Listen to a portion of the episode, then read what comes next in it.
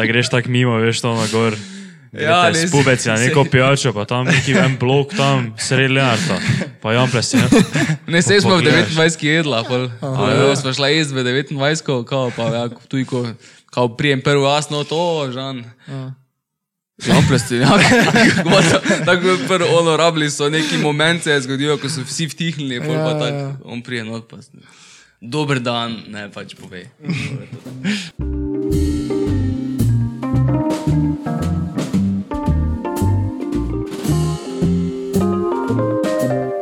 O, servus. Servus.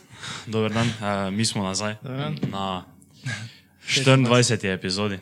A ja, 14. Ja, veš, ki smo tako posneli. Ja, Ja, okej, okej. Na 24. epizodi podcasta Brez filtra. Uh, Janič, dobrodošli nazaj. Danes je z nami tu Žan Serčič. Servus. Ja, aplaus. Zdravo vsem, Servus. gledate, poslušate, zdravo, uh, Mato, Tomži, Krajnc, Tako, tako. zdravo vsem. Poveci. Janič, kak si kaj? Bo?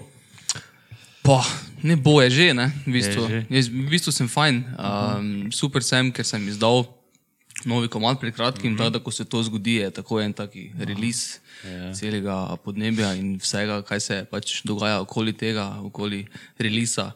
Na splošno pa tudi sem ok, ja, razen tega, če pač izzamemo trenutno situacijo, v kateri smo vsi. Ne? Tako da, to pa mm -hmm. tako brez veze jamrati. To res je. Hvala, jamramo, koliko hočem, pa ne nič ne. Um, ja, nič. Se bomo še potem kasneje dotaknili malo bolj tega novega, novega komada. Uh, ja, nič, zdaj pa najboljše, da začnemo. Odkot se mi poznamo, recimo, da se poznamo. Ne? Ja, mi smo v bistvu someščani, ne? prihajamo iz istega kraja. Vija dva, ja, jasni. Mislim. Jaz Dobro, sem z Volične. ajde, ti si Z ob- z Volične. Aha, Ja, zdaj so občine Timo? smo. Ti si tu, Lenart, Ti tu iz tu iz Lenarta, Lenarta. ja. Okay. Ja, mi v resnici še zelo blizu drug drugega živimo. Ja. Ne? Tam malo. Ja, kaj smo v resnici dve ulici na razne. Ja, kaj, ne? ja, blizu. Tako, vidite. Nič, to je to. Veze tako da- imam, da sem prišel na podcast. Saj res, se pa, uh, jaz sem tebi napisal v DM-e, pa mi prvo nisi odpisal, pa, pa če se ne motim, ti je moj ja, foter rekel, ne? Foter, foter, jaz, jaz, jaz, jaz prijem na fitness, pa foter si tako staje, pa roko da v unsko dogno, pa čuješ, uh, daj poglej malo, DM. No, kao, eh, vse ni moj, vse ni moja stvar, samo pač daj. Ja, v glavnem, uh, dobiti mene na DM, to zdaj pač vsem, ki tu ono, mi, mi za intervjuje pišejo, ali pa tudi ono, razni mediji, uh -huh. moji inboxi na Facebooku pa Instagramu so pač 99 requests at Ja, ja, any ja. time, tako da ne morem, pač, enostavno se ne znajdem ven.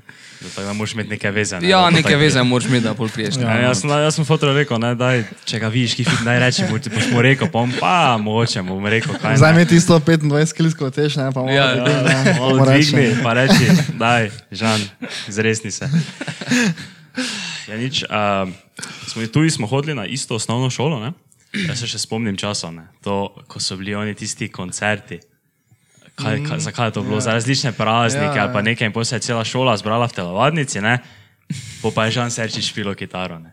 Ja, ampak, ampak ne, to si zdaj tako rekel, ker jaz še takrat nisem bil Žan Serčič. Ja, Jaz, ja. jaz sem takrat bil, pač oni mali, z 8. ali pa 9. klasa, ne, ko pač skozi neko rock muziko špilal ali pa Ne, punk sem, muziko za nas si špilal. bil že Žan Serčič takrat. A ja, ja, ti misliš verjetno takrat, ko, sem, jaz, ko sem jaz že bil ven iz šole? Ko sem jaz že... ne, ne, si že bi si bil še v šoli. Samo Okej. okay. ti si, koliko si star?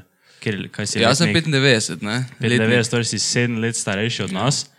Torej, ko si ti bil v 9. ali pa 8. razredu, ne, smo mi bili prvi ali pa drugi tam Ja, neki. to Ne? nekaj.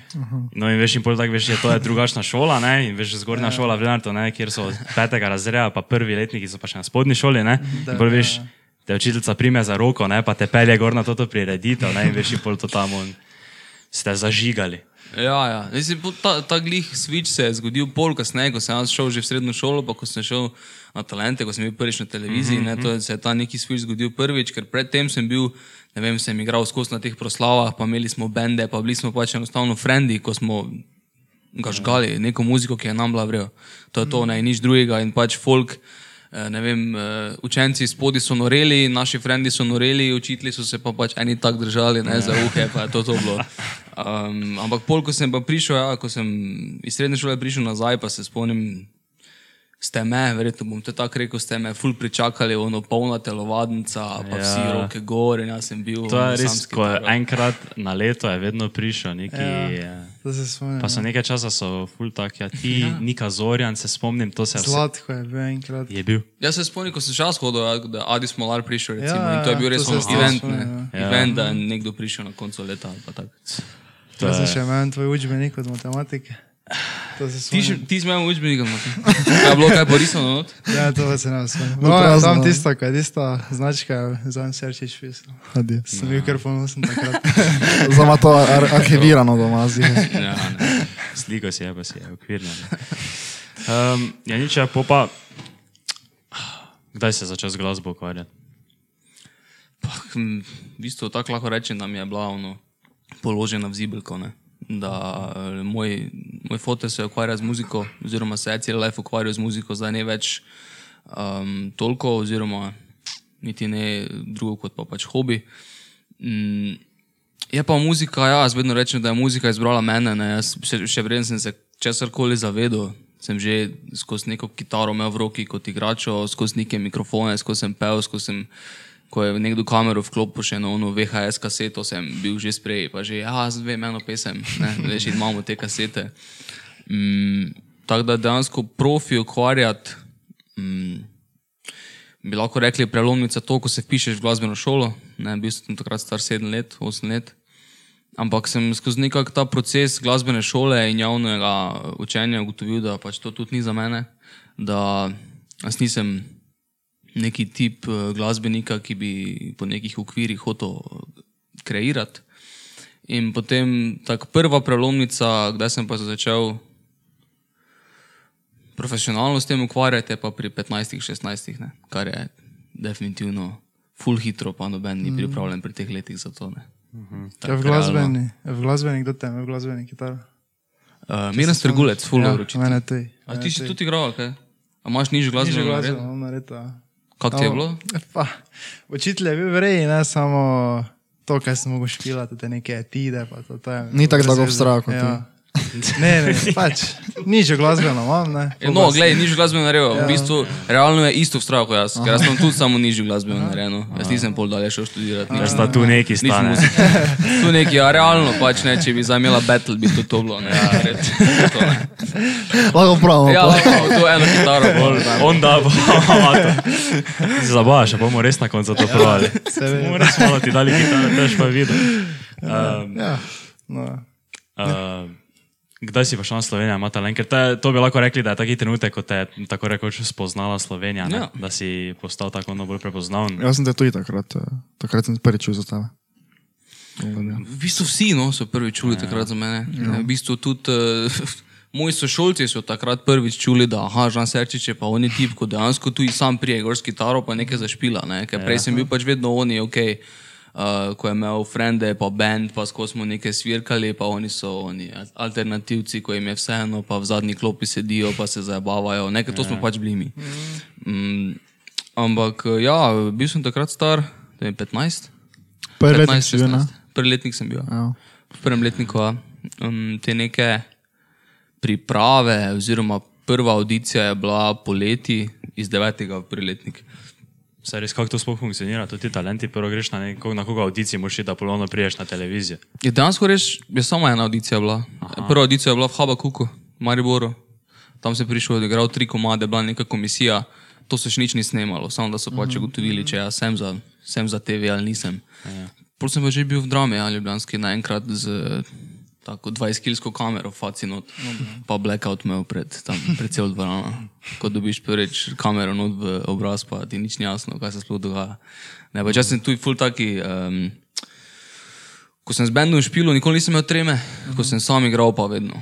Ful. Tudi ko, sem, ko smo imeli z glasbeno šolo te nastope, ne oddelčne. Ja, Skozi ono, eh, komad sem znal na pamet, od, odšpil sem ga brez napake, skoraj vedno, bilo kjer je komad. Ampak jaz sem tak celi nastop v eno točko gledal, pa mrzli Ja, švic mi je ja. tekel, vse postoje dol, pa samo to, je je ono, veš, ono. Fokus, stari, ne, ne smeš se srat. Bam, konec, gor, da se priklonim, pa čau dol. Ne. Veš, je tak, No, povedi še do konca, kaj si mislil. ne, to je pač neka ta je, moja izkušnja. Zdaj še imaš tremo? Mm, ne bi rekel temu trema, Aha. bi rekel neki ta rush, Aha. ki ga dobiš vedno vedno, ko vzamem pred publiko kitaro v roke, pa če so trije, Ja. če me, po- ko me poslušajo, ali če jih je tisoč, ali če jih je pet tisoč, mi je ono. Isti feeling, isto doživim, neki rush tega, da moram, ok, zdaj pa se moram dokazati. Ne. V resnici to je, to je ta um, večni, ne vem, ne bom rekel struggle, ampak pač, eh, ne glede na to, koliko si lahko kot umetnik govoriš o sebi, ja, jaz pač delam to, kar meni paše. Ne? Ko si enkrat performer, ti delaš vedno zato, da tudi si všeč neko, ne, neki skupini ljudi, Ja, ki je te- pod tabo, pa te gor gleda. Ja, vedno to zraven. Ne? To pač ono, spada mm. zraven. ne. Tisti, ki govori, ja, jaz, jaz špilam za sebe, tisti pač ne vem, da pa v kleti ostane, pa, pa zakaj pol objavljaš videe ali pa zakaj nekaj. nekaj Ja. ne. Tako da, ja. To. Um, in k, mislim, da se zdaj nas spomnim, sem po mojem bil malo premlad, da bi to zapomnil. Kako daleč pa si prišel pol tam na talentih? Uh, do finala. Do finala. V finalu smo, nas je bilo deset. Prvi trije finalisti, oziroma zmagovalka je Julija Kramer, operna pevka, e, potem pa smo kaosi delili drugo mesto, jaz pa e, 40 harmonikašev. A, to, to se spomnim. Ta skupina harmonikašev, ko 40 so harmonikašev, ja, pa se spomnim. še ni bilo takrat ena, ena na talentih, ko je zdaj tu je ena pevka, ker si takrat, takrat sta bila oba ful mlada, še pa sta. Tako 15, ali verjetno stara, pa so takrat tudi neki, ne, neki kolep, sta imela pač kolep, skupaj sta pela, nekaj sem za ne vem s kom, ziherjo poznaš, ker si Eva zdaj tu iz dela. Iz talentov Eva sigurno Boto. nisem. Samo to ni bilo na Ne, talentih. kako Ona je bila Eurovizija. A Ja, ne, ne vem, dobro se samo. Ne misliš, Eve? Mogoče pa je, kako si rekel, Eva? Eva Eva Boto. Boto. Ja, to pa je, ja. ja, ja, ja. No, to je bilo na Euroviziji. A ja, mislim. tako je bilo. A Ja. Okay. Zdaj bo še zdaj delam, včeraj je glih dala Ja. yeah. komad ven, smo Aha. dali komad ven, sem ga jaz produsil tudi. Um, ja, z Evo smo se pol spoznala prek enega producenta, s katerim smo oba delala takrat.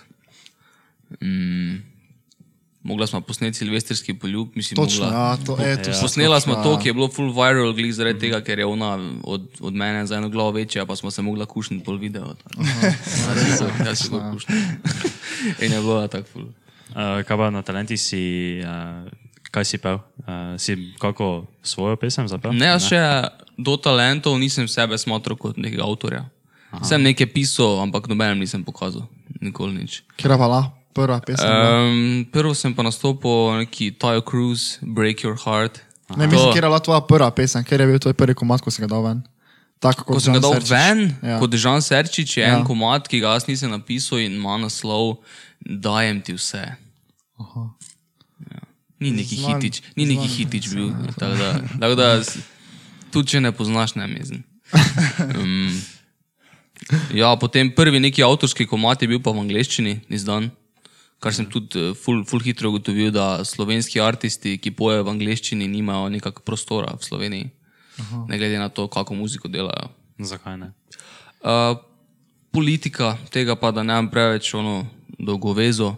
Enostavno um, po mentaliteti ljudi, ki se odločajo, ali boš vrten, ali boš medijsko izpostavljen ali ne, eh, nisi dovolj dober, če poješ v angleščini, pa si slovenec, ne glede na to, kako dober je komat, ne? ker oni ne ovrednotijo tega kot wow, ful dobro ali pa ne ful slabo, ampak a se to prodaja, a se to ne prodaja. In če se to ne prodaja, ker so se oni odločili, da se ne že v štartu, se pač ne. Razumeš? Pač, ne vem, poznate kjerega slovenskega artista, ki poje v angleščini, pa je, pa je popularen. Ja, osebno ne. ne. Mislim, mogoče, če bi zdaj ti kaj ga povedal, bi lahko rekel, ja, poznam ga, ampak tako ti ne znam, zdaj naštetno menga. Samo ja, ja, po pa je to ta dilema, da skozi slovensko glasbo pa tudi zdaj ne moreš toliko zaslužiti. Ne? Če pa bi angliško, tega bi lahko bilo dosegel več ljudi. Ne, in, To je ta stvar trga. Ne? Ja, pač ja. Mali trg smo, ne, ampak um, zdaj kaj pomeni to slovensko, za za slovensko glasbo, ne moreš služiti. Ne? Jaz od slovenske glasbe tako rekoč živim Ja. štiri leta že, ne? samo od tega. Um, ampak ja, kaj pa delaš, pa na kak način delaš, je pa drugo vprašanje, ja, seveda. ja. uh, kako se je reklo temu bendu, kaj ste bili? Uh, top secret. To vsi. Top secret band. Ja, ne, to smo, že smo začeli nekaj v sedmem klasu. Pa To, jaz sem vmes iz sedmega razreda deveti razred sem zamenjal enih pet bendov, tudi z, predvsem z starejšimi sem imel bende, ko so že bili v srednji šoli, pa sem kao bil bolj tam lead singer, ampak nič kaj, da bi imeli nastope, razen s tem dejansko uh, bendom, ki smo bili v devetem klasu, ko smo bili samo trije, no enega smo še pol povabili na kitaro zraven, smo bili res frendi, ki smo se družili cele dneve, smo pol nastopali na Poleni, ko je bil ta, kako se je že reklo, Sp- Space festival.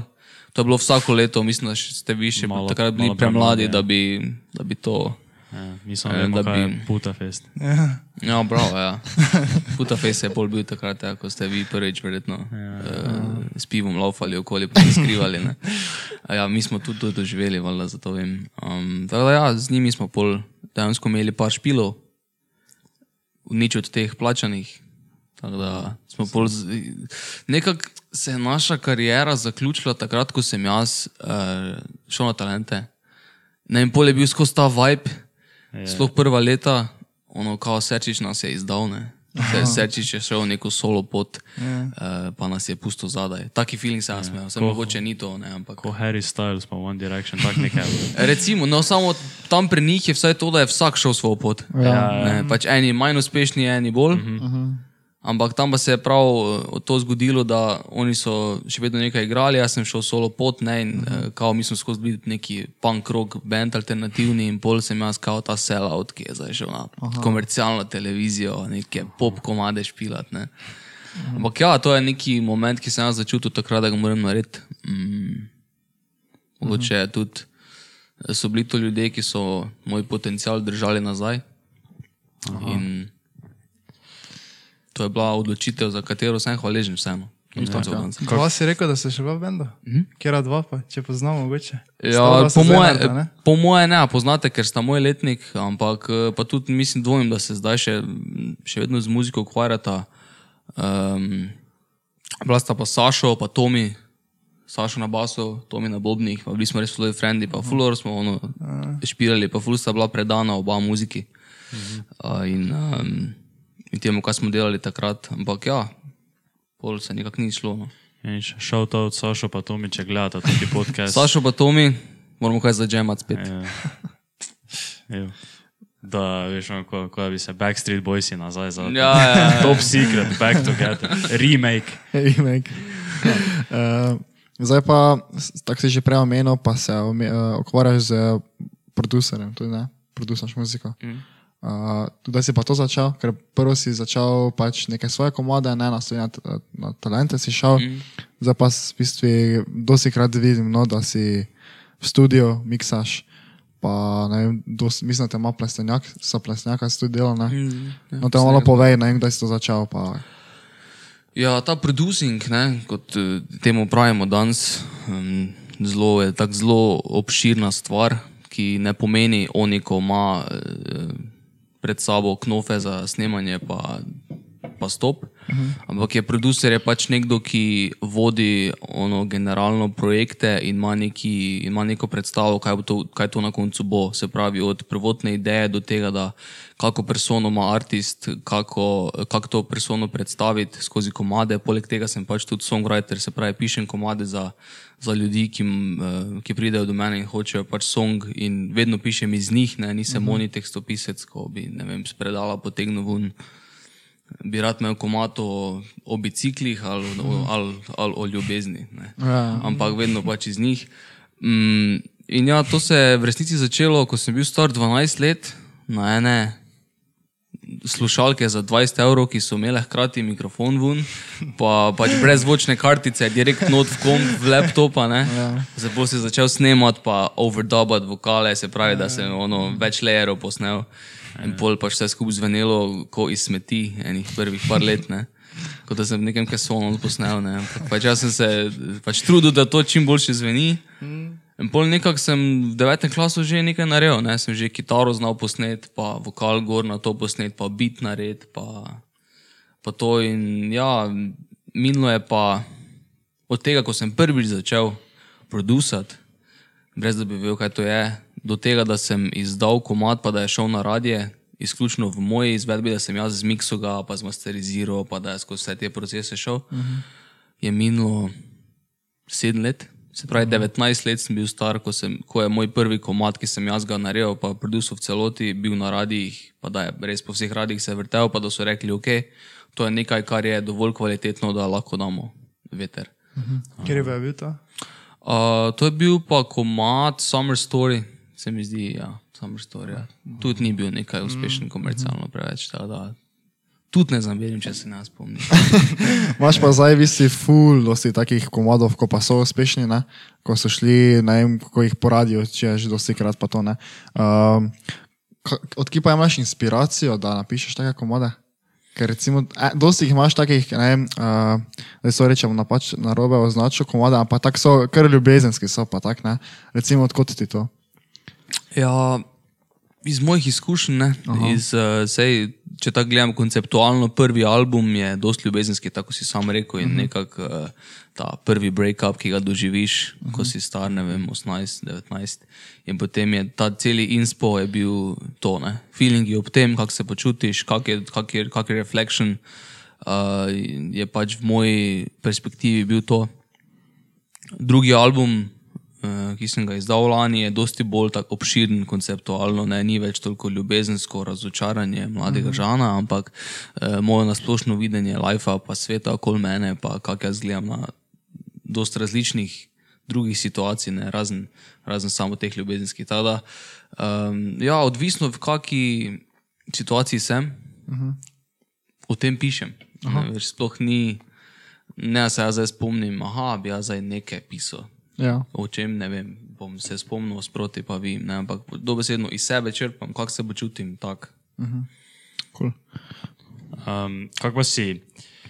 S, mislim, že lahko sklepaš ne po vseh tvojih videih, pa potem pač po komadih, ki jih izdajaš, ne da sodeluješ z ljudmi, ki so pač res vejo, zakaj se gre. Ne? Da, že naprimer zdaj tudi čisto novi komat ne rada. Ne? Mm. Naprimer, ko video pogledaš, vidiš, da je zelo dobro sproduciran, z editan, color gradanje na zelo visoki ravni. Ne? Uh, kako si pa skozi čas ono prišel, da si v sobi produciral svoje komade, da si do zdaj tega, da lahko sodeluješ s takimi ljudmi, so, odkot so prišla ta prva spoznanstva, te kdo povezal, kakšne veze, ono gor dol. To je fuloro vprašanje, uh, pa glih to, to, da si rekel rada, ne? zato ker če gremo gledati moje prve spote od Silvestrskega poljuba, videl uh, um, glasbo Žan Serčič, kamera Toni Konrad. Uh -huh. Pol pa če greš, po- če greš pogledat rada, vidiš glasbo Žan Serčič, kamera Toni Konrad. Aha. Se pravi, še vedno eni in isti ljudje, ki smo rasli skupaj Aha. in smo se razvijali. ne. Ja. Pač, uh, rada je komat, um, za katerega sem jaz po dolgem času, po kakem letu napisal sam scenarij, pa ga zrežiral. Ne. Jaz, se pravi, jaz nisem neki scenarist, pa režiser, whatever, ampak ko imam jaz eno idejo, pa vizijo, točno vem, ono, bam, jaz to hočem in to znam tudi Tonijo Fuloro predstaviti in Toni je človek, ki zna to Fuloro zajeti. In jaz sem vedel, da pač to je ono, kombinacija, ki, sem, ki smo jo rabili za ta song. Uh, vse ostale, vsa ostala sodelovanja, ki sem jih imel tudi pri drugih komadih, um, recimo v Studio 7, ko delajo tudi full videe za vem, različne eh, reklamne stvari, ja. ki jih gledamo po televiziji, stanovanja 38 so zelo tako alternativni, z njimi sem tudi delal. Ti zelo za MKM, ko si delal, se mi zdi, ne? Uh-huh. Nisva kul, cool, ne, je bilo stanovanje Ja, ja. 38, tako zelo dost CGI. Moment je pa enostavno to, ne, da ko si na neki točki kot artist, pa ko imaš, bom rekel, čisto realno eno finančno zaledje, en, en budžet, s katerim si lahko ti privoščiš neke projekte, pač pogledaš malo po sceni, kdo kaj dela in kaj ti hočeš imeti, ker vsak pač ima neki določen stil in če ti hočeš ta stil, ok, boš poklical tega. Ne, telefonski itek dobiš vse posod. Ja. Tako da uh, imam pa pač to srečo, da imam, oziroma srečo, jaz sem tudi delal za to, da imam nek renome, da ko pokličem, pa rečem, hej, Žan Serčič, tu jaz bi imel komat, pa mislim, jaz bi imel spod za ta pa ta komat, reče, uh -huh. ok, super, akcija, gremo delati. Ne, ni ja, nekih vprašanj, ja, ne vem, če bi nekaj, sem tja. Um, tako da ja, je to ono vse stvar razvoja bila, ne, od začetka pa prvi spoti, ki so bili, so bili vse, jaz pa to ni. Ja. Ne. Ampak še vedno ohranjam ne, to neko. Še vedno sta ti pa to. Še vedno smo jaz Toni Toni, pa je k, tu, Toni okoliški. Konrad. Ja, ja, Ja, jaz mislim, da ga, da ga Ne, ja, jaz, sem se enkrat, v- jaz sem se enkrat vpisal, ne, njegov to ti uh, je imel um, uh, taki krožek, ja, Ja. samo je potem propal zaradi korone, se mi zdi, da je imel. Uh, jaz ga poznam, ja. Uh, Toni, moraš to ponoviti, šaura Toni Konrad, ja. Jurovski dol, roke gor. Um, V glavnem, ja, Tony je friend, ki je res ono, dolga leta že z mano. Tudi koma drugače, rada tudi je res fuken. Ja. To je res dobro. To je, kdaj je za to ven prišlo? Četrtek prejšnji? Ja, Petek? četrtek, Aha, ja. četrtek. Aha, ne, res je, full hudi komad. Ka, Top. Daj popeli nas malo skozi to, to pot, kak je to ti komad, recimo zdaj gledamo tudi specifični komad, kak je Mhm. nastal od začetka do konca. Uh, mogoče to je, ja, okay, ta, ta komat je en taki primer onega spontanega izliva kreative, dobesedno. Jaz sem dobil en feeling, ok. Eno leto smo že not, mi jaz bejbo, Florida potujemo. In ful sem si predstavljal ni moment, veš, ko si enostavno se furaš, pa si z bejbo, uh -huh. pa je sončni zahod, pa ima ta oni vibe, fakt ne. Pizda se mama rada, ne, pa ti je vseeno za včeraj, za jutri, za whatever. Ampak samo si v tem momentu in to je bilo izhodišče tega. Ne. Ono, furaš se, pa imaš ta feeling. In jaz sem napisal cel komad, tekst, uh, melodijo, tudi inštrumente sem ono za, za demo posnel v enem dnevu. In vse je pač stalo. Ne. Vse je stalo, je bilo to to. In jaz to glih sem začel par tednov prej, ali pa celo dva tedna prej z Anabel delati um, za njen album. Uh -huh. Tu je tako zanimiva zgodba. Ona, pač mi smo se poznala že odprej. Ona ima angliške komade, ki so full dobri. Jaz sem videl na storijih, jih je včasih delila in sem rekel, da ti moš to izdati enkrat. Ne? Anyways, jaz sem drugač producer, ampak no. samo pač pravim. ne. Um, potem smo se nekako skonekla, da je ona prišla prvič do mene in da, da vidimo, če zavajamo ali ne, ne. Če, je to, če je to nekaj, kar, kar dela. In smo v dveh urah posnela štiri komade. Ono, samo dogajalo se je, kaj pa ta, bam, pa že jaz imam kitaro, pa ona pred majkom, pa posnajamo vse. In res je ta kreativa, pa kako smo se mi skonektala kreativno, je samo steklo. No. No, da se vrnem nazaj na rada. Uh, poslal sem ji ta demo, sem rekel, kako se ji zdi, čisto tako ono prijateljsko. Ona je rekla, ja, imam eno idejo za back vokal. Back vokal je ono, kaj pač od zadaj, da ni ne. Se pravi, ni bilo nič to duet, še whatever. Ona prije čez dva dni ali celo drugi dan že do mene in ko mi je začela snemati beke, pol pa se je pač začelo, kaj pa če bi še to? Ok, kaj pa če bi ti imela svojo kitico? Ok, kaj pa če bi imela še ti v refrenu še en del svojega refrena in mi smo tako padla ven ta trans in vse je pač za, naenkrat začelo dihati, pa delati, pa imelo, imelo neki smisel, da pač ta moj tekst naredimo še v ženski verziji in da ona meni odgovarja in komat se je zgodil dobesedno v enem tednu, od začetka do konca. Jaz sem potem to mojem frendu uh, Dagiju, Želan Gospetrovič, ko je pač fuller basist slovenski, sem mu poslal, da mi je on posnel bas, eh, ker je pač bas bila edina taka stvar, ko sem res hotel, da je en podpis tega komada. Ne? Pač to je ono groovy uh, komad, kjer so pač bobni, uh, pa bas, ful, ful pomembni. Uh -huh. In bas je res neka stvar, ko sem hotel, da je dobra, vse ostalo sem pa jaz naredil sam. Ne? In uh, ja, to se je pol zgodilo, pol, pol sem začel komplicirati, pa smo en mesec miksali ta komad, dal sem trem najboljšim v Sloveniji, da to naredijo iz sistemov mastering, uh -huh. pa sem pol izbral najboljši mastering, da je potem to, ne? tako da vseeno ni bilo tako tak Ja. easy, pa ja. tako hitro narejeno, ne? tako kot mogoče se zdi na prvi pogled. Um, da, to je neki proces bil pri Rada, so pa ful različni procesi. ne. Z- Čist drugačen proces je bil pri mojem albumu, Ne. pa pri enih komadih tam. Tako da. To si posnel doma, rada? Ja. Čist cel A, komad je v, v mojem bloku tam. Tam, vlo, tam not imaš ti svoj mali studio. Ja, ja, tam not, v bistvu z Bejbo živimo v istem bloku, v drugem stanovanju. Um, v bistvu tem stanovanju, ki je od moje mame, imamo studio. Not. Aha, Aha. cool. In ti to, no- tam not džemaš, pa dobiš kaj pritožbe od soseda. Nikoli. Nikoli. Imam srečo, da so sosedi fani. Da skozi šerajo na Zastonj Facebooku, muzika, pa to, ne. tako da imamo vre odnose. Ja, drugače pa uh, svoj album pa si posnel uh, v enem drugem studiu, ne? Uh, ja, v bistvu tako demoti so nastali doma pri meni, in do tega, da je pač to zvenelo kot komat, vse je bilo, ono, bobne sem pač na kliko. Uh -huh. Ampak ta album je bil res drugi vibe, uh, recimo komat, ki sem ga izdal pred Rada. Je Snežinki, ne, ki se je tudi yeah. uh, precej prijel. To se je full prijavil. Ja, ja. In je čist drugače posnet. ne. Uh, glede na to, da je to neki vintage, zimski, evergreenski vibe, Taki eh, vibe je bil, Christmas, taki ne. decemberski. Ja, ja, in to dobiš ti takoj od, prve, od prvih par sekund, ko to poslušaš. Ne? Pa ne rabi biti not zvončkov, pa ne rabi biti tudi nič nekaj, kaj spominja na Božič, ampak kaj je ta vibe, je to, da so včasih v 50-ih, 60-ih snemali vse na trak in snemali so naenkrat In jaz sem točno to hotel narediti in sem poklical pač ono, najjače muzičare, da smo se dobili v studio Metro, ki je največji studio v Sloveniji. Uh, vsak je bil v svoji sobi, bobni, Ranžo je bil na bobnih, Jani HC od, od Sidarte na, na basu, jaz sem bil v drugi sobi na kitari pa na vokalu in smo skupaj odšpirali to vse skupaj na trak. Ne, vse skupaj se je snemalo na, na oni tape. Ja. Ne, in pol smo dobili mi ta neki vintage flavor, Ja, ja, na ja. katerega smo pol še snemali orgle, live, klavir live, kitare live, back vokale live. Ono, vse je bilo, ta pristnost, pa vse je bilo posneto v, ono, v dragem studiu, ne, pa full folka je še delovalo, ne, na kar recimo rada, smo jaz pa na bel vse naredila, no, pa pač bas kitara. Je, ja, Pol pa še eno procesi. tisti dan se mi zdi, ko si vundal tudi komad začel snežiti, ne. Tako da še, Ja, neki, evo, še neki bonus. Je Či, čisto slučajno sem dal tisti dan, ven, ja, pa je pač začelo.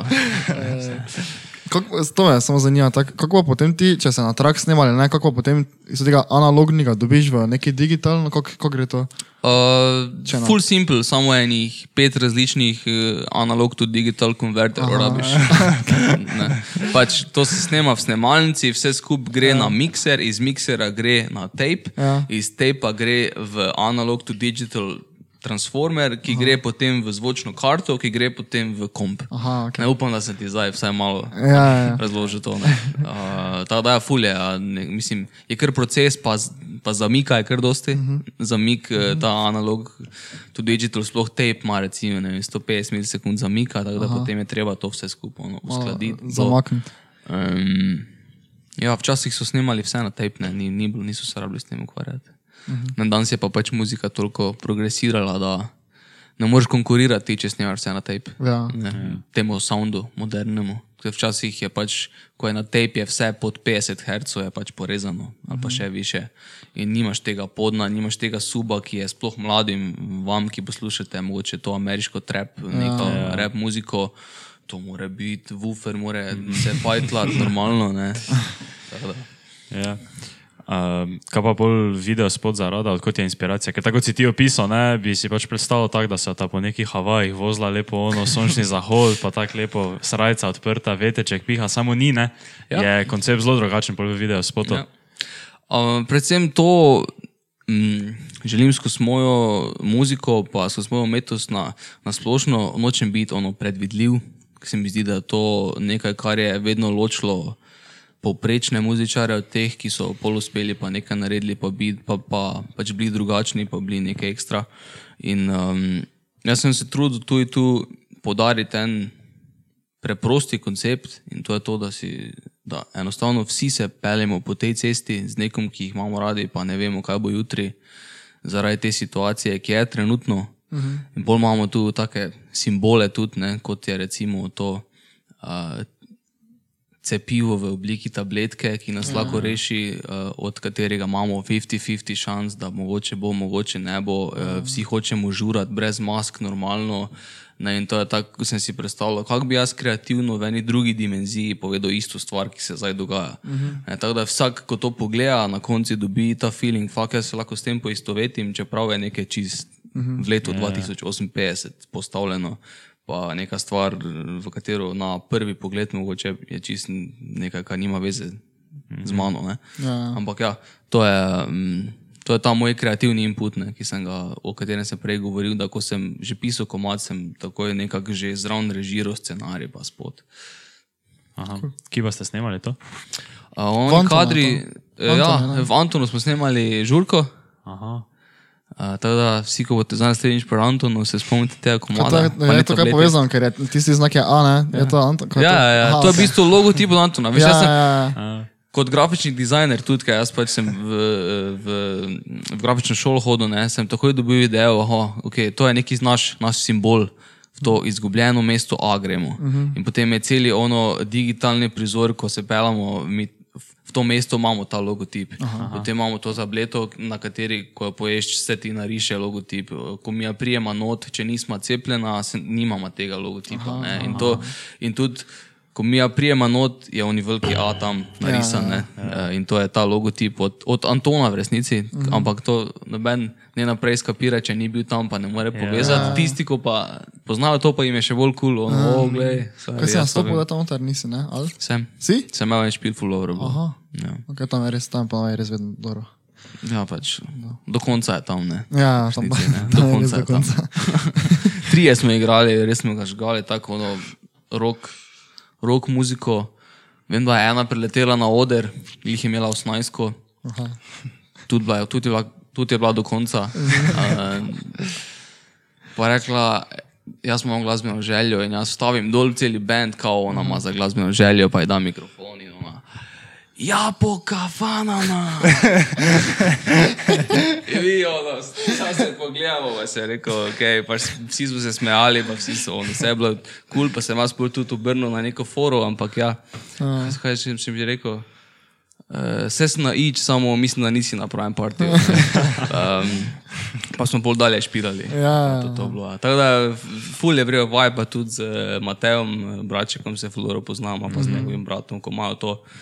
Tako da pa tudi mislim, da so eni bolj uspešnih zgodb tu v naših, ja. naših koncih, če ja. gledaš tako, koliko tudi ja. naredi.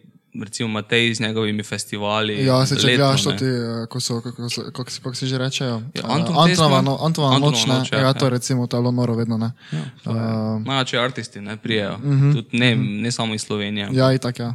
To je veliki riziko, da si nekdo tako tak mlad, relativno mlad, ne, uh -huh.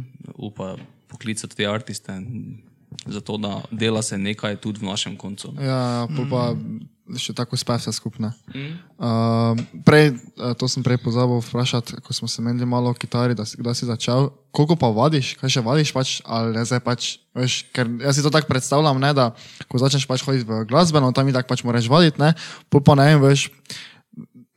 Ali, ali to zdaj tako raste eksponentno, ne? ali da ti vodiš vsak dan, pa si pol vedno boljši, ali zdaj pač ne vem, ko delaš neki komat, pač špilaš, pa to, to. ali imaš, ne vem, posvečaš, ne vem, tedensko, ne vem, toliko pa toliko ur, da zvadiš. Ne, nekaj. nimam sploh zračunano, koliko bi, bi vadil naj. Ampak, ja, tako si rekel, raste, raste in potem priješ do ene točke, ko, ko ne vem, jaz sem na neki točki ugotovil, ok, jaz znam dovolj dobro špilati. Uh -huh za svoje potrebe, producinga pa performanja v živo. Od tu naprej, če bi hotel postati še boljši, bi mogel moj life posvetiti temu, uh -huh. pa mhm. postati profesionalni kitarist. Ja. In ne vem, se vpisati na jazz, neko Klagenfurt, recimo. In uh, potem to študirati. Ampak ja, sem, predvsem sem najbolj sem začel vaditi po srednji šoli, uh mhm. -huh. ko sem tudi se tako. Uh, sem imel neko obdobje v mojem 18. do 19. letu, ko sem po srednji šoli si vzel kao eno leto pauze, da ugotovim, če je muzika sploh to, kar jaz hočem delati. Ne. Se pravi, sem vmes že hotel nehati. Vmes sem, pomislek, ja, ja, vmes sem eno leto nisem izdal nič. Uh mhm. -huh. Sem bil tako, okay, pač, ne vem, če je to sploh to, kar si jaz želim. In polk sem prišel do nekega tega spoznanja, ne, se, uh -huh. se lahko bolj tu vrnemo nazaj na to. Um, sem, sem začel full vaditi. Ja. Sem uh -huh. začel vaditi tudi po 8 ur na dan. In um, takrat sem fulno napredoval, pa prišel do neke te stopnje, na kateri sem zdaj. In um, ja, pač dovolj, da lahko posnamem kitare tudi za druge, lahko prijem v studio, uh -huh. uh, pa sem ta neki studijski session glasbenik. Cool. Nice. Uh, ne, tak, ker ne, misli, meni si ti od tega, kaj sem pač čutil, da tak nisem še vseh najedni izmed boljših kitaristov, ne? ker si ja, že bil na nekih par tvojih koncertov. O, res, ki si bil? Uh, veš, ki si imel v, kulturu, v, dom, v ja. kulturnem, si ja. imel ne z bendom, ja. tam sem bil, pa tako si dosti krat že nastopil, bilo mm. ki z onimi pihalnim orkestrom, Blenarti si ja. nastopil. Ne? Da... Tam, neki, tam sem si prst zlomil. Točno, tam sem imel prst zlomil. Ja. Prst sem imel zlomil, pa v Lungeti, pa takega ja. pa sem soliral. Tam, z, s tremi prsti sem soliral tisti solo, a to se ja. spomnim. Jaz, jaz sem bil tak fakt, to ne mogel. Sem pol ok, tu je lahko. Um, to, naprimer, ko si produciral za Jana Pestenjaka, mm. kako je do tega prišlo, kako sta se spoznala ali pa je kdo povezal? Mm, mi smo se spoznala že prej, že tri leta prej smo se spoznala. Uh, jaz sem bil predskupina za njegove koncerte, njegov menedžer me je poklical in rekel, da rabijo predskupino. Pa sem bil predskupina za njega v Novem mestu, v Slovengracu, v Kranju, pa v Mariboru, se mi zdi.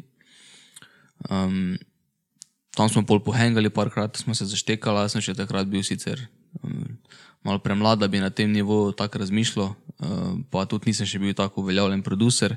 Uh -huh. Pol smo, uh, parkrat sem ga prosil, da mi je on pomagal pri mojih komadih, čisto tako smo se dobila na sessionu v nekem studiu, tako da bi se tu dobila, pa smo, ne vem, jaz sem prinesel kitaro, pa tekste, pa sem mu zapel komade in je on ne vem, malo razmislil, pa je rekel, okay, kaj če bi tu tako povedal to isto stvar, malo drugače. Mm -hmm. Vseeno on ima toliko enih izkušenj, pa toliko, uh, toliko ima enega feelinga, predvsem izkušenj ima no, na naši glasbeni sceni, da ve, kaj dela. Ja. Da, to smo imeli enih par sessionov, potem pa ja, je pač videl, kako delam, kako sem se razvil v teh letih, odkar se poznamo kot producer in me je poklical, če bi produciral za njegov album. In uh, sem pol produciral štiri komade. Uh, ostali komadi so tak, da se, se tudi jaz nisem nekako, uh, po mojem, videl kot, kot producer, niti si on ni zamislil, zato ker ima enih par komadov live, recimo kontrabas, harmonika, eh, kitara, pa sami mm. vokali. Ne, jaz nisem ta tip producera. Bi, jaz sem pač pop producer, ki dela ta, neko zvrst, ki je specifična. Ne. Um, in ja, najno sodelovanje je bilo uh, tako, da je on pripravil demote, da je on pripravil nekako točno, kako bi komat stal. Se pravi, on je napisal song, on je, nap, on je napisal te, melodijo in on je to spravil v neki paket, in potem sem jaz zamenjal te sounde, recimo Bobno, ki so meni bili, ne vem. Tak čip, pa pač neki grof ni bil vrel, sem jaz zamenjal za svoje. Uh -huh. Posnel sem kitare, posnel sem bas, posnel sem sinte, back vokale. Um, in to je to. In smo tako delali, v bistvu se je takrat lih ta korona karantena začela. Aha. In sem jaz sedel od doma, pa pol, pol sem k njemu šel za par dni, da smo sfiniširali in je to dobro, zelo hitro smo bila tako v nekem procesu konec. To je bil tvoj največji taki neki projekt, kaj si delal za druge? Ali bi še rekel, da ja, je to? Ali ne, še si še malo, to sem se spomnil, ti si eh, za Evropsko v mm. odbojki si imel, ne? to je ja. muzika bila. To je bilo, ono, bi rekel, tako top trije projekti so to, pa komad za vlado Kreslina, tam mm. sem vse posnel, cele, ono, vse inštrumente, pa zelo je bilo ono random oziroma tako nepričakovano, da smo se samo srečali v istem studiu. Uh, on je imel posnet demo na na kitaro in glih se je odpravilo. In jaz sem prišel snemati kao prvi album, sem imel neki session in jaz poslušam. Uh, Gospod Kreslin, jaz tam slišim mogoče neke kitare še. Ne. Uh -huh. Pa on je, pa, daj te idi, zašpila, ne. Uh -huh. Mali, ne. Ni, ni me itak ne poznal prej. Uh -huh. In se pol jaz njegovo kitaro vzel in začnem snemati nekaj not v snemalnici. On gleda, pa gleda onega producera, ko je snemal za najo, ok pa začnem gor nas ne mava, če kitar, pa še kitar, pa vzamem bas, pa vzamem kahon. Ja. In bolj na koncu, po pol ure sešna, je, je vlado laufu s kamero okoli. Pa, ja, to, to, to je magija, to je magija. je res, o, to, je, to je bil sešn, ko sem je res full, full vtisnil v, v spomin, pa vlado je res car, pa ono, uh -huh. ve kaj dela, pa tudi vlosti naredil za našo sceno. Um, tretji največji projekt je pa ja, ta. Um, volejbal, prvenstvo, mm. kjer sem v bistvu združil tudi druge nacionalnosti, se pravi francoza, Jeremy Liora, pa Miss Angel, ki je en, ena replika iz, iz Belgije in smo imeli skupaj session v metroju in takrat mi je bilo. Tudi najbolj neka mogoče potrditev, da lahko jaz tudi handlam to, ne? ker sem mhm. bil sam neki mulo. Oni so, ko so prišli v, v Slovenijo, v Ljubljano, pa sem rekel: Hi, I'm Jean, so oni bili, you're Jean what are you like? 12, ne, kao, pač fora, oni so pričakovali ne vem, nekega producera, uh, uveljavljenega 30, plus, ko je to sproduso. Mm, in potem smo imeli session in so bili tudi fully zadovoljni s sessionom, kako sem mhm. jaz to odvodil, ne, ker to je tudi en del producinga. Ne. Producer ni tisti, ki stisne play pa stop, ampak producer je tisti, ki reče: hej, tu ti ne verjamem, kaj poješ, ja. tu moraš s tem energijom, tu moraš s tem intentionom zapeti tu malo više, tu pazi to, tu pazi energijo, pazi vdih. Mm -hmm. To so vse stvari, ki jih producer uh, mora biti pozoren na njih. Um, tak da, Tako ja, neki je dirigent skoraj. Ja, v resnici ja. ja. Uh, pa to, ti ljudje, s katerimi sodeluješ, to pride, kdaj tudi k tebi, tu sem vlenar v blog, naprimer Jan Plesenjak ali kdo. Ja, vedno, vsi so bili. Vsi so že bili tu. Ja, Jan Plesenjak je edini, ki se ni sezul Sam polje, ho- sam polje mogo po robih šuhov hoditi.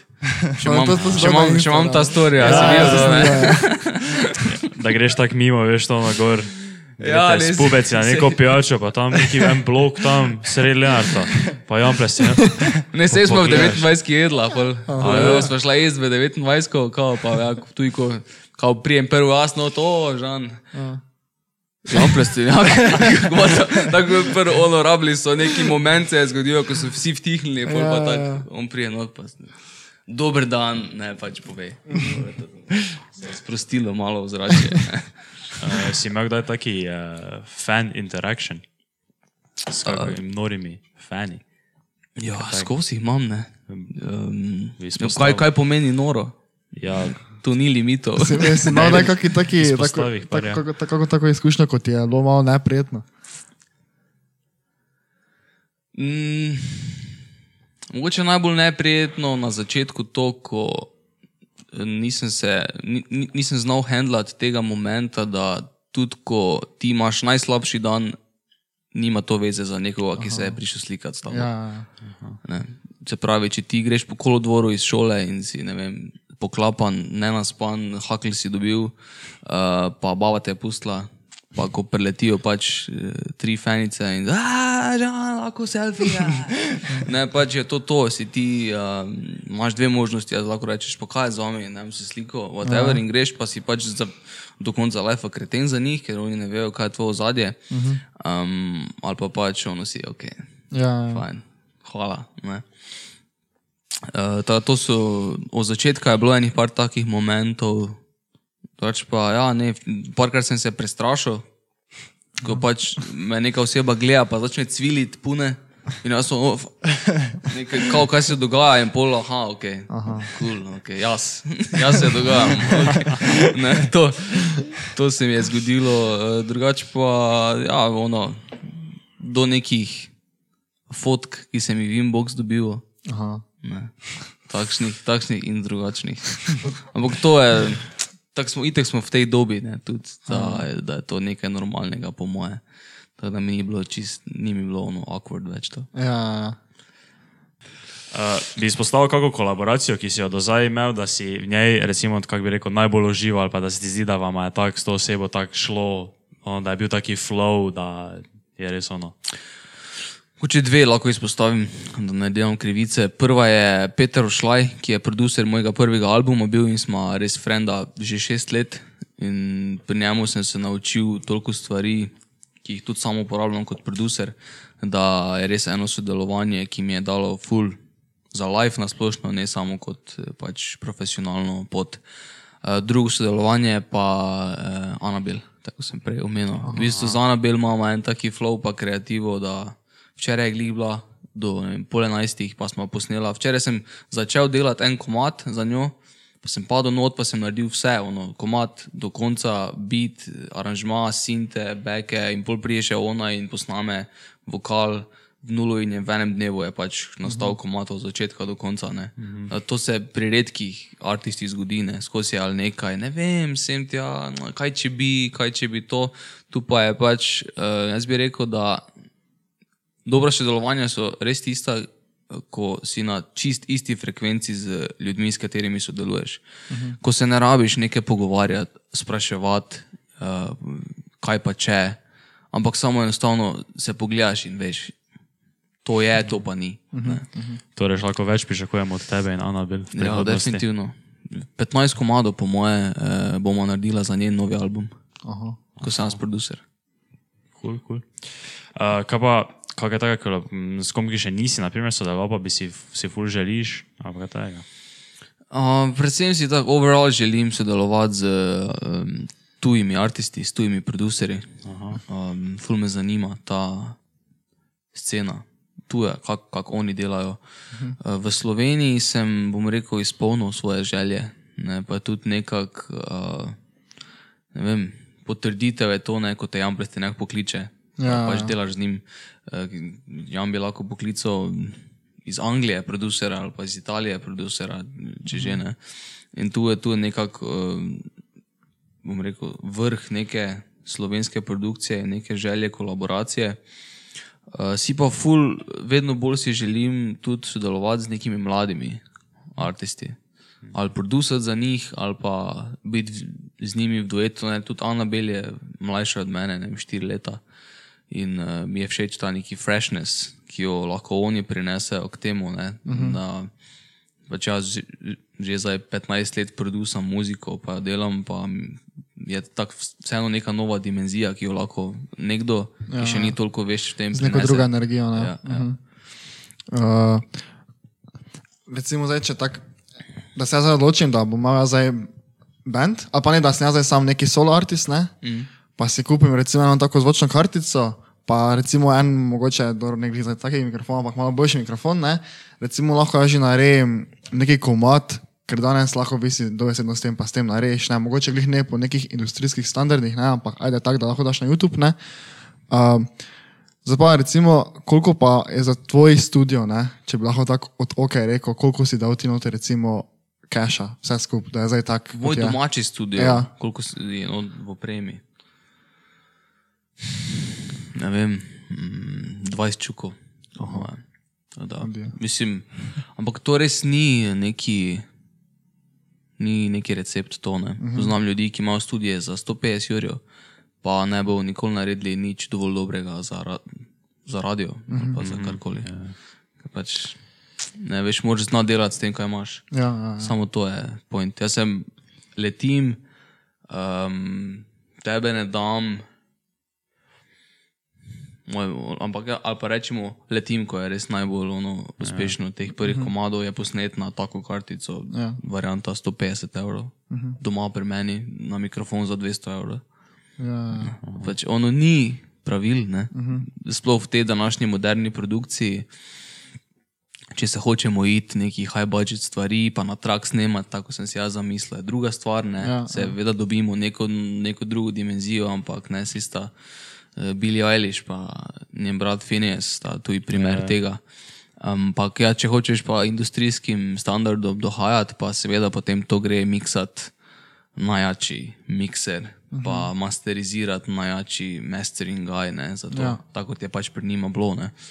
Mm, ja, tako da jaz bi rekel, da lahko vsak že dan danes doma snema. Uh -huh. Zato tudi je neka ta poplava muzike, pa poplava informacij na splošno. ja.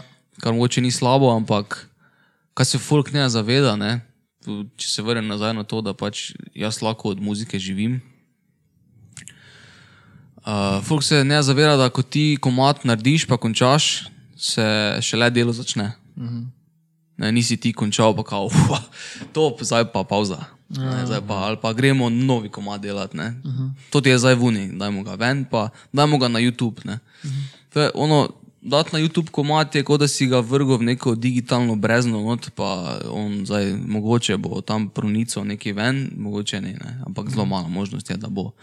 Tako da, um, ja, evo, jaz sem, odkar je komat prišel ven, v četrtek sem imel deset intervjujev. Um, na pet intervjujev sem pisal štiri ure doma odgovore, zato da se pojavljam v nekih medijih. Ne. ja, ja. In to so vse stvari, ki pač spadajo zraven. Ne, to, ni, to ni del tega. Jaz sem, jaz sem glasbenik, jaz pač hočem samo špilati, pa samo producirati muziko. Ne, ne, več. Še Tudi neki promocija. Ne. te, Ja, pač, brez tega, da ti to znaš deliverati, brez tega, da znaš to promovirati, pa v resnici spraviti to do ljudi, da oni sploh slišijo, kaj si ti naredil, uh -huh. ti ne koristi niti najjačji produkt. Uh -huh. Logično pa je, da če je glasba dobra, pa če, jo, pa če jo ljudje slišijo, bo vedno pač dobra muzika bo našla Ja. neki glas, pa, pa potne. Ja, ja. Pa, če pač poplava informacije in to je dosti teže danes. Ne? Uh, ko si rekel, da ne vem, pač ti je muzika, pa ustvarjanje kruhne, verjetno je večji donos ta iz producanja. Ne, pa, Ja, več je iz producanja, Ja. ja. definitivno. Predvsem to, ker, se, ker kot producer naredim enih 50-60 komadov letno, ki jih producam uh -huh. ne, od začetka do konca. Poleg tega še imam neke stranske projekte, kjer snemam samo kitare, kjer samo miksam že dobljene treke. Ja. In, uh, ja, eh, predvsem zadnjo leto je tako, no, uh -huh. ko res ni gigov, ne, ko ni špilov.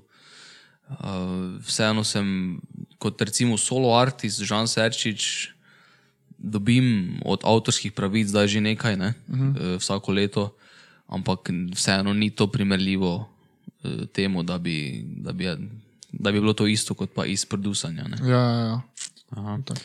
Um, kaj pa to, naprimer, tako si rekel, da ste šli zdaj v neki metro studio. Uh -huh, no, uh, kaj to ti, zdaj ki si ti žal serčiš, ne ti tja pokličeš, pa servus mi prijem, pa oni ja z odprtimi rokami pridi, ali ono, hej, serčič, čuj, to je 100 evrov na uro, nas se zabave. Ja, definitivno z odprtimi rokami sprejmejo, ne?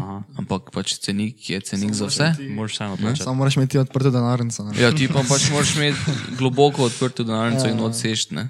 In, in, in si takoj id spremeniti uh, limit na bankanet na najvišji možni limit, ker pač uh, če sploh če snemaš v, v nekem res velikem studiu in tudi povabiš muzičare. Ne? Če si ja. zdaj predstavljate to, da ti uh, snemaš tam en komat. Ali pa, ali pa tako rečem, snemaš en dan, lahko posnameš več komadov, če si hiter, če si dovolj dober. Uh -huh.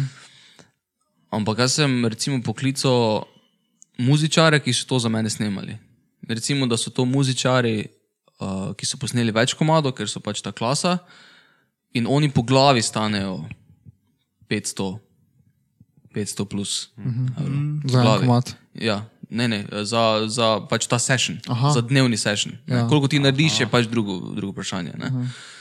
Um, zdaj si predstavljaš, pač več muzičarov je, bolj je ta neki budžet razširjen. Uh -huh. uh, plačati moraš najem studia, plačati moraš inženirja, ki tam snema in postavlja mikrofone, ne? ker jaz pač kot producer se ne ukvarjam s tem, ja. Ja. ko prijem tja. Jaz se ukvarjam s tem, kako bo muzika zvenela. Uh -huh. In rečem, hej, ta, tja mikrofon, hej, uh -huh. oni kompresor nastavi, hej, to.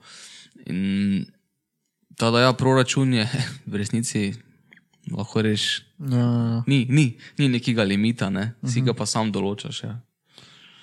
okay. Pa misliš, da bi to bilo v- za čisto vsakega izvajalca, tako ali misliš, da bi za koga tako malo skozi prste pogledali, če bi zdaj poklical, koga nazaj rečem. Čale se. Ne, ne, mislim, če bi, zdaj, če bi zdaj Taylor Swift rekla, da bi rada tam snemala, misliš, da bi njej isto ceno dali ono ali da tako. Ne, ampak mislim, da bi Taylor Swift sama prišla in rekla, da Evo, tu bi imate. pač stotko, dve stotko, ne vem, tri stotko bi dali pač tako za zdravo. Ker ni bi bilo smešno, če bi, če bi jim oni rekli, kako, koliko stane studio tu na dan. Ne, pač oni imajo toliko, kot imamo mi tu na dan, imajo oni na, na uro. ja. Tako da, ja, mislim, to so čist neke druge vode. Taylor Swift se ne ukvarja s tem. Ne? Taylor, ja. Taylor Swift sam prije, pa iz založba krije vse stroške studia, cel mm. album, vse spote, ne govorimo o milijonskem, večmilijonskem budžetu. Ja. Ti si v kakšni založbi? Jaz sem pri Nika Records. Ja. Aha, Tako. Zdaj je v bistvu ta zadnji album, pa ta novi singl. Je pri njih šel. Prej sem bil pa v full logo pri Menardu. Uh -huh. Menard Records. Ta- To sta itak, tak, v bistvu dve največji založbi v Sloveniji. Uh -huh. Um, kaj pa bi izpostavil, kjer je komat svoj, da ti je osebno najljubši? Ali, pa, ali, mislim, ali so ti tako vsi, so ti verjejo, ne, da je verjetno, če si jih izdal, ne, ampak da bi kjerega tako izpostavil, da bi rekel, ja, na to tega pa sem res ponosen, moče ima kakšen sentimental value ali pa kaj takega. Ne morem se odločiti za en komat. ne. Um, zato, ker je vsaki komat je v nekem določenem momentu mi pomenil fulosti. Ja. Da ta moment mi on več ne pomeni toliko. Ne? Ja. In težko se zdaj skonektam z nekimi starimi komadi, ki sem jih izdal. Ampak ja, najbolj sem mogoče navezan, bi rekel, ali pa presenečen bil nad samim odzivom, nad komadom Zlomljena, ki nisem pričakoval, da bo nekako dosegel tako število ljudi. Ker pač sem- se mi je zdelo, ok, ena balada, dajmo jo narediti, klavir pa vokal. Ono najbolj simpel stvar. Ne? In pol v bistvu sem ugotovil, pač dosti krat v full primerih te najbolj simpel, iskrene stvari palijo, če si ti kot artist dovolj zanimiv, pa dovolj iskren, da se folk s tem skonekta. Ne? In to je neki ono, uh, moment, sem takrat doživel, hej, stari, ti si čist dovolj s tem, da samo delaš to, kaj čutiš. Ne, nisem uh, kot, kot pač producer, sem vedno uh, obremenjen malo s tem, kako bi naj nekaj zvenelo, pa perfektno mora biti, pa vsi elementi morajo štimati, pa miksam, pa miksam to ure in ure in ure. Uh -huh. Pol pa ena taka uh, easy, simple stvar pač naredi toliko, da je, ja, ja, ja. da je malo mind-blowing bilo vse skupaj takrat. To. Ja. Aha, ja, pošteno. Uh, tudi na zadnji album, kaj si ga izdal, to je to, kar si nam prinesel. ne? Tako, Kot iz moje sobe, darilo. ja. Ja. Poglej. Link v description. Link v description. Pa ja, pa to, če vam prej ni bilo, če komu ni bilo jasno, kaj se menimo v videu spotu, ne bo tu linka od spodaj, ne? Rada. To vse Ja, obvezno. prečekirajte, da te Obvezno. veste, zakaj se gre, ne? Prav ta vaša generacija, sploh ne vem, če še pozna CD. Ne, vam, bo, vam bo tu Saj služil ja. lepo na tej policiji, ne?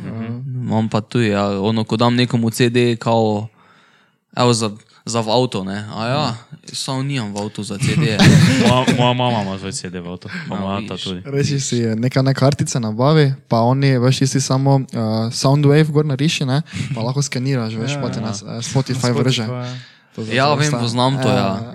To mi je ono, vse, vse te gadgeti so mi tak neki razvrednotenje tega, kaj sploh CD je. ne. Veš, CD je ono produkt, ko ga primeš, gor so zapisani komadi, odpreš pa so teksti not, ne, pa je res ono izdelek in grafično in neko, neki ima value. Ne. Samo pač, eh, že jaz sem ta generacija. Ki, ni, ki nimam CD-jev doma, uh -huh. kaj še le vi, ne. Vi Ja, ste pač ja, ja, čist digitalizirani. Zdaj ne. ni, ni tako praktično. Ne, Realno, sva ne. ne. Imaš lahko vse tudi nimaš to. kje poslušati. Ja, itak, ja. Kaj boš v telefonu, ne moreš. Ja, Ja. ja. Itak vse prek fona, uh -huh. ali pa prek Bluetooth slušalk pol poslušaš, ali pa prek Bluetooth zvočnika. Ne? ja. To, ne. Uh, kaj pa, to, to še mi se zdi. no, Zdaj sem pred kratkim videl, oziroma ne vem, če za to bilo glih pred kratkim, da je dosti teh slovenskih ustvarjalcev, influencerjev pa to objavilo, to, to promocijo za Adidas, kaj ste imeli, vsi isto, tista ista slika, pa od spodaj ste imeli neki svoj kvot, pa to ne. Uh, mislim, kaj je to, to pač Adidas vam je vsem napisal, kak, ali je bilo to kakšna pogodba. Uh, ne, jaz mislim, da glede na to, da si rekel dosti, to govoriš o kakih številkah. Da nas je bilo, ne vem, 100 ali da nas je bilo 5 ali pa 10. Ja, bolj to, to mislim, moče ima več kot deset, mislim, da sem jih videl. Aha. Ampak nekaj. No, mislim, vsi, ki smo, vsi, ki smo Ja. to naredili, oziroma v bistvu bolj ali manj vsi, ki smo to naredili, imamo pač eh, pogodbo z Adidasom. ne. Ja.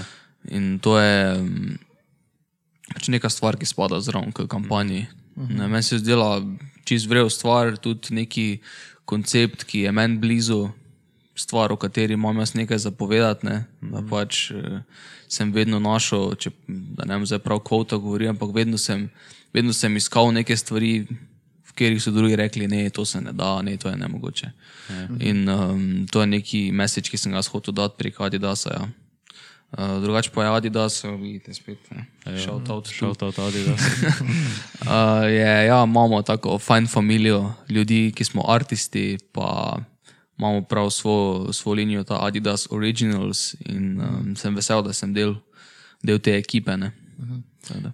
To je tvoj edini sponzor ali še imaš? kakih? E, Tako, ono, da imam letno sponzorstvo, je to edini, ja, ja Adidas edini. Sodeloval pa si tudi z Grossbasketom, ne? Ja, z Gross Basketom sem sodeloval za, za ene šuhe, zdaj pa je to malo konkurenčna klauzula, pa, pa ne gre več. Ja.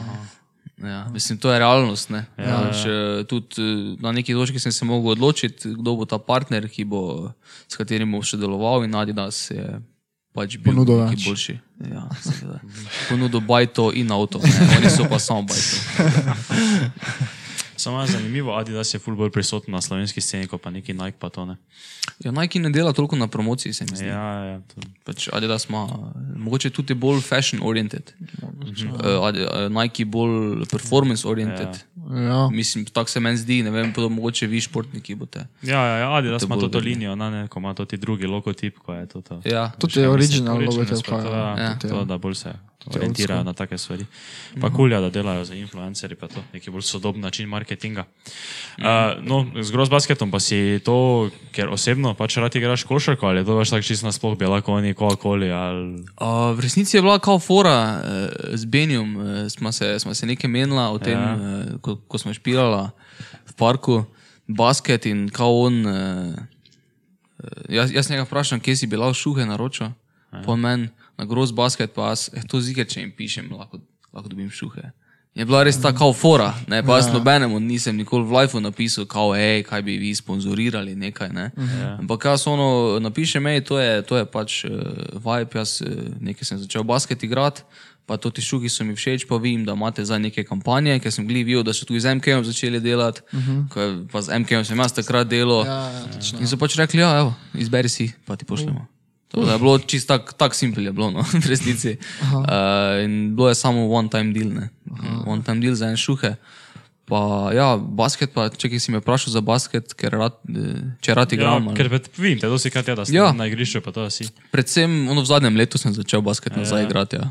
Um, predvsem, ko sem videl, kako za nič sem postal. ne, in je bil neki challenge spet. Ne. Uh, ta korona, moment, fitnesi se zapirajo, uh, vsi imajo cajt. In naenkrat so se stvari začele, hej, imaš cajt za basket, imaš ti cajt za basket. Ne. In pol sem jaz, itek sem bil full basketu v osnovni šoli, full sem špilo cele dneve. Uh, pol pa deset let nisem nič metal. Ne, in to mi je bil največji challenge, mi je bil, ko sem prišel prvič na igrišče in kao v tem feelingu in tako rasturam. Ne. Ja. Tako takrat, ne. pa dobim žogo med igro, pa mi žoga v avtu gre. Razumeš, več, o, niti nisem prišel do koša, kaj še, kaj še le, da bi kaj drugega. Tako da mi je, glih zaradi tega sem začel nazaj igrati basket, ja, ker, um, je, ker v bistvu vedno v lifeu iščem neke challenge nove, nekaj, nekaj, v čem sem slab, pa da na koncu lahko sam sebi dokažem, ej, evo, zdaj si pa, bre, zdaj si pa postal boljši, kot si bil. Ne. Se to ne pomeni, da sem zdaj na, dober, daleč od tega, pač mi špilamo neki street basket, ampak uh, boljši sigurno kot pred enim letom. Ne. Uh, ko si je gross basket napisal, si si izbral to, kar imaš zdaj, Lebron, ja. to 17?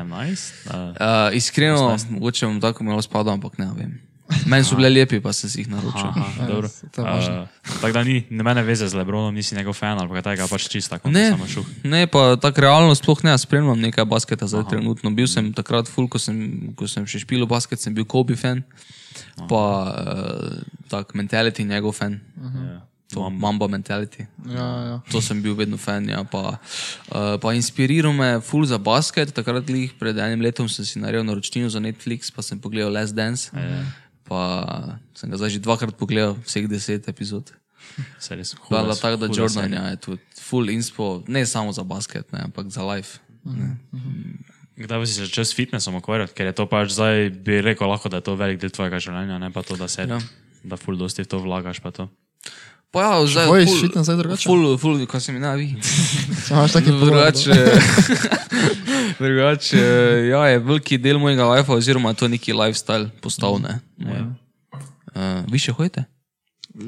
Ja, v Lenarški ja, ne več. ne. Jaz sem pač njegova punca, ima doma taki ker konkreten fitness, pa se tam furamo.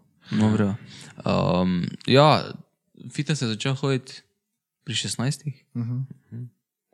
V bistvu sem treniral takrat tajski boks drugo leto in mi je rekel, trener, uh, ful si dober, lahko bi tekmoval, samo kakih 10 kg premalo imaš. Uh -huh. Ker sem imel 52 kg ali nekaj takega v prvem letniku. Pa isto velike gozaj, ne. sem bil res ono, suhi. Um, pa sem zakal, da pogrem na fitness, pa začnem jesti malo bolj in pol, ko sem dobil prvi 10 kg, sem nekako ugotovil, da, da mi je bolj všeč ta šport, pa ta mindset, ki sem ga dobil tu pri fitnessu. Ne. Pač skoraj pri vseh ostalih športih je tako, da narediš trening, pa greš domov, pa si ono. Okay. To je to, naredil sem trening.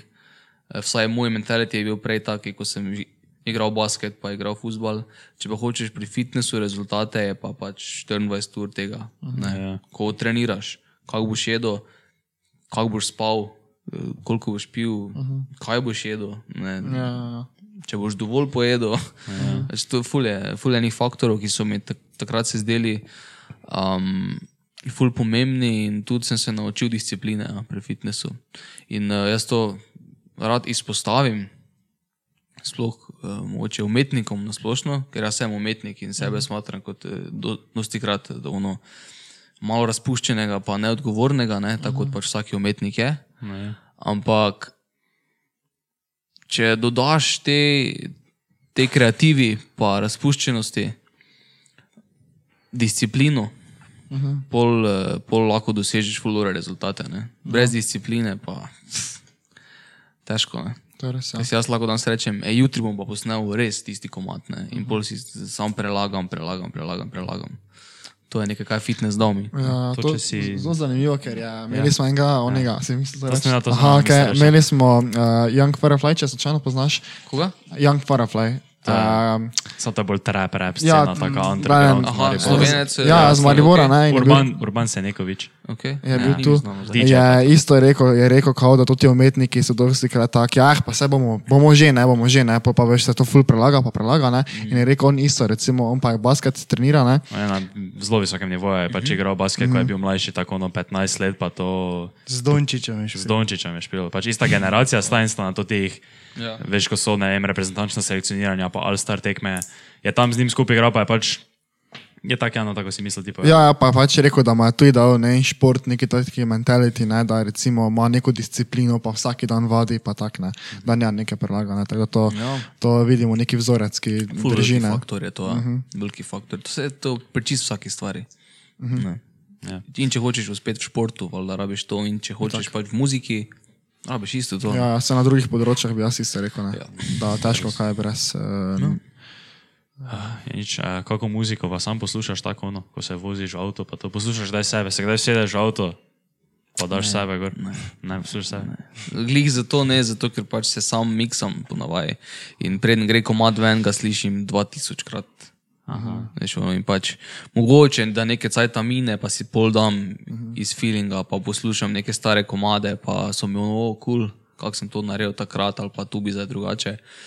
Ampak iskreno, tudi ko me folk sprašuje na fitnessu, kaj poslušam, Ja. ponovaj ne muzike poslušam, pa v avtu ponovaj ne muzike poslušam, Kaj, ampak podcast? podcaste, Podcast. Kaj To sem, audiobukse. to sem enkrat videl, ko sem, ko sem imel telefon tako na stavljen fitness, sem šel mimo, pa sem slučajno pogledal, ja, si Joe Ja, Rogan. že pogledal, uh, Rogan, Joe Rogan, ja. epizoda 1000, Ja, ja, ja. ja. nekaj. Da sem jaz tu za to. Pa polja stoji tako nabit. ja, ja, ja. Evo, Joe Rogana poslušam, ja. um, eden izmed uh, najbolj poslušanih podcastov. Ja. Uh -huh. Poslušam uh, za moje frende, ko so tudi uh, v Sloveniji blokovci, Drawler Records.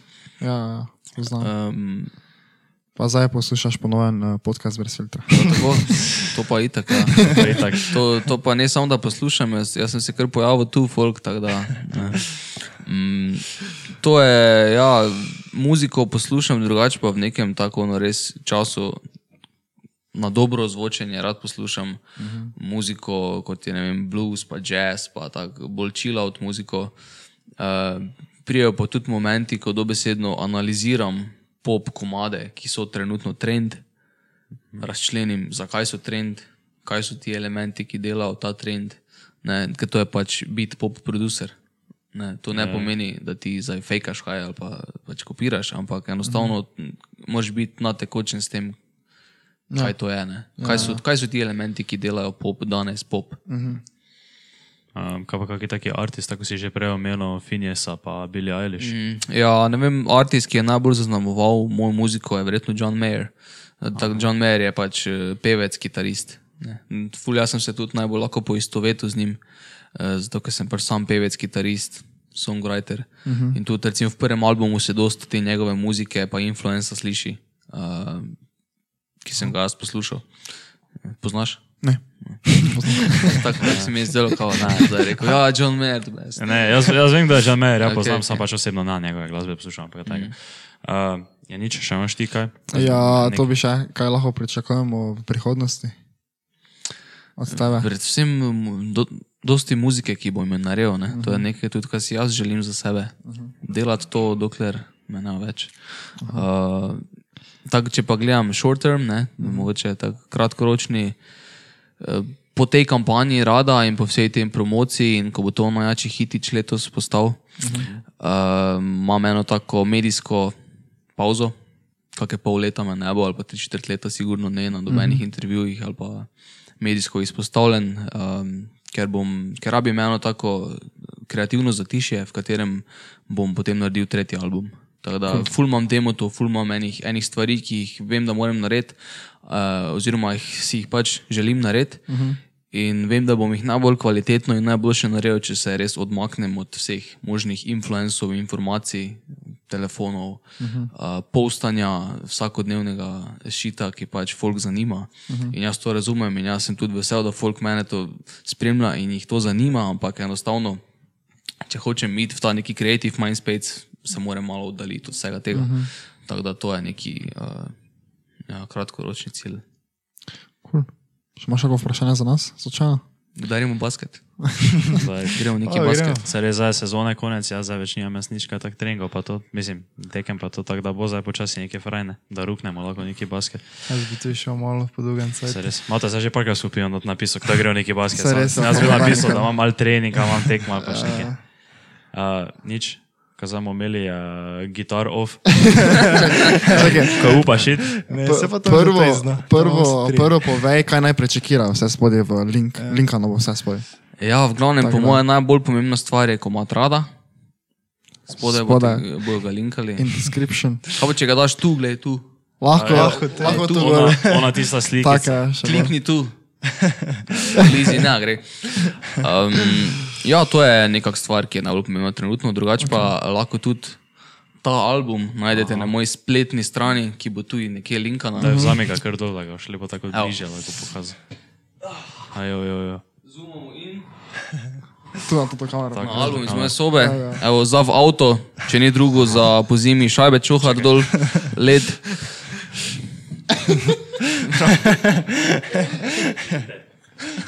Iz moje sobe. Um, to, Facebook, Instagram, to tudi lahko prečekirate. Uh, zdaj sem celo naredil moj peti TikTok v Lifeu. Aha. Meni se zdi, da sem res ono boomer, da sem prestar, da sem prestar za TikTok, ampak trudim se. Okay. Daj, to. Vzami dol kitaro. Daj, ima to kitaro. To bo zdaj off camera. Daj, res. Ne, ne, bo, to bo on kamera. to je zdaj Ajde, tako. da vidimo. Daj, res, daj. Ima pa to. neki tapping, gor v žgal, tu zadaj, Če nas zadaj daš špila, rekel. daj, no, daj, no. Daj, no, vse ne vemo. Se pa ne vemo, kaj Daj, pa... to. Daj, ima to, daj se nekaj. Dajmo to. To, čakaj, tu malo pač naredimo. Tisto, tisto, ko vedno zašpila, zašpila. Pa ki, eh, mikrofon si daj malo bolj na kitaro. Daj si dol mikrofon na kitaro. Ne, ne, jaz sem se kar za glavo špila. Ja, to. Ne, ne, ne, se Z znam. jezikom to nekaj. Čakaj, samo moram malo svoj čovjek, da vidim, ker sem še kitaro nisem dve leti držal. Daj si bliže, daj si res, daj si bliže. Ne, ne, ne, čakaj, jaz sem bil za hrbtom. Daj, ne, se zabavaj, daj res. Ne, se jaz, jaz v bistvu, kaj sem igral, ne, sem se samo naučil to te pesme. Te pa daj za eno. Kak je že ovo? Kak je že ovo? Kak sem da pozval? Je zašpila pa bomo videli. Kla, on, klasika, ne? Klasika. Ona, ona, Kaj je že, to nekaj. nisem, nisem igral kitare že full dugo. Um, Ampak to, če vidim, da veš, gled, gej dur, gej dur že znaš. Kaj še znaš? Vse znam, vse znam. Čist sem pozval. Vse je ončet, Kaj pa- vse je ončet, ga ona. eh, James Arthur, ali kaj? Ja, ja, jaz tu- jaz tudi to poznam. Ja, ne gre tako. Ja, daj.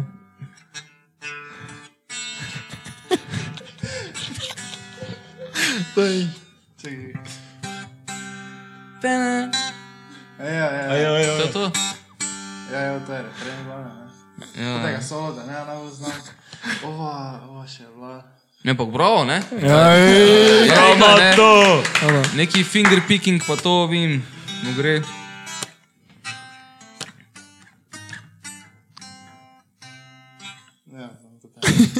tako. Je dobro. bila refren in mi, ovo. Ja, jaz se sem, sem, sem, sem štekal vibes. ne. Daj, zdaj pa še žan, uh, veš kaj moraš zašpilati ti zdaj, uh, refren od, tote, uh, Tote, od nove muzike. Kaj smo se menili? Da ima to mikrofon, daj. Čist. En, dva, teste, en, dva. Če ga dam tako, da bo razporejeno malo. Tri, mm. Peljeva proti soncu se, na horizontu se počasi riše nova noč, spet prevzame tisti feeling me, neka naj obliva, nova serotonina, dovoliš, da te gledam, dovoliš, da te božam, jaz se ne rad sprenevedam, diši tvoja mi koža, ona pa me pogleda. In vidi, da se ne zezam, v avtu rata vročina, podreva sedeže in greva, in greva. Danes vem, da imaš so mene rada. Danes vem, da imaš so mene rada, mene rada. Mogoče jutri bo vse za nama. Danes vem, da imaš so mene rada, mene rada. Danes vem, da imaš so mene rada. Danes vem, da imaš so mene rada, mene rada. Ali poveci, mogoče jutri bo vse za nama. A danes vem, danes vem, da imaš so mene rada, mene rada. Evo ga, hvala se, poslušaj. Se vidimo. Ajde, čau.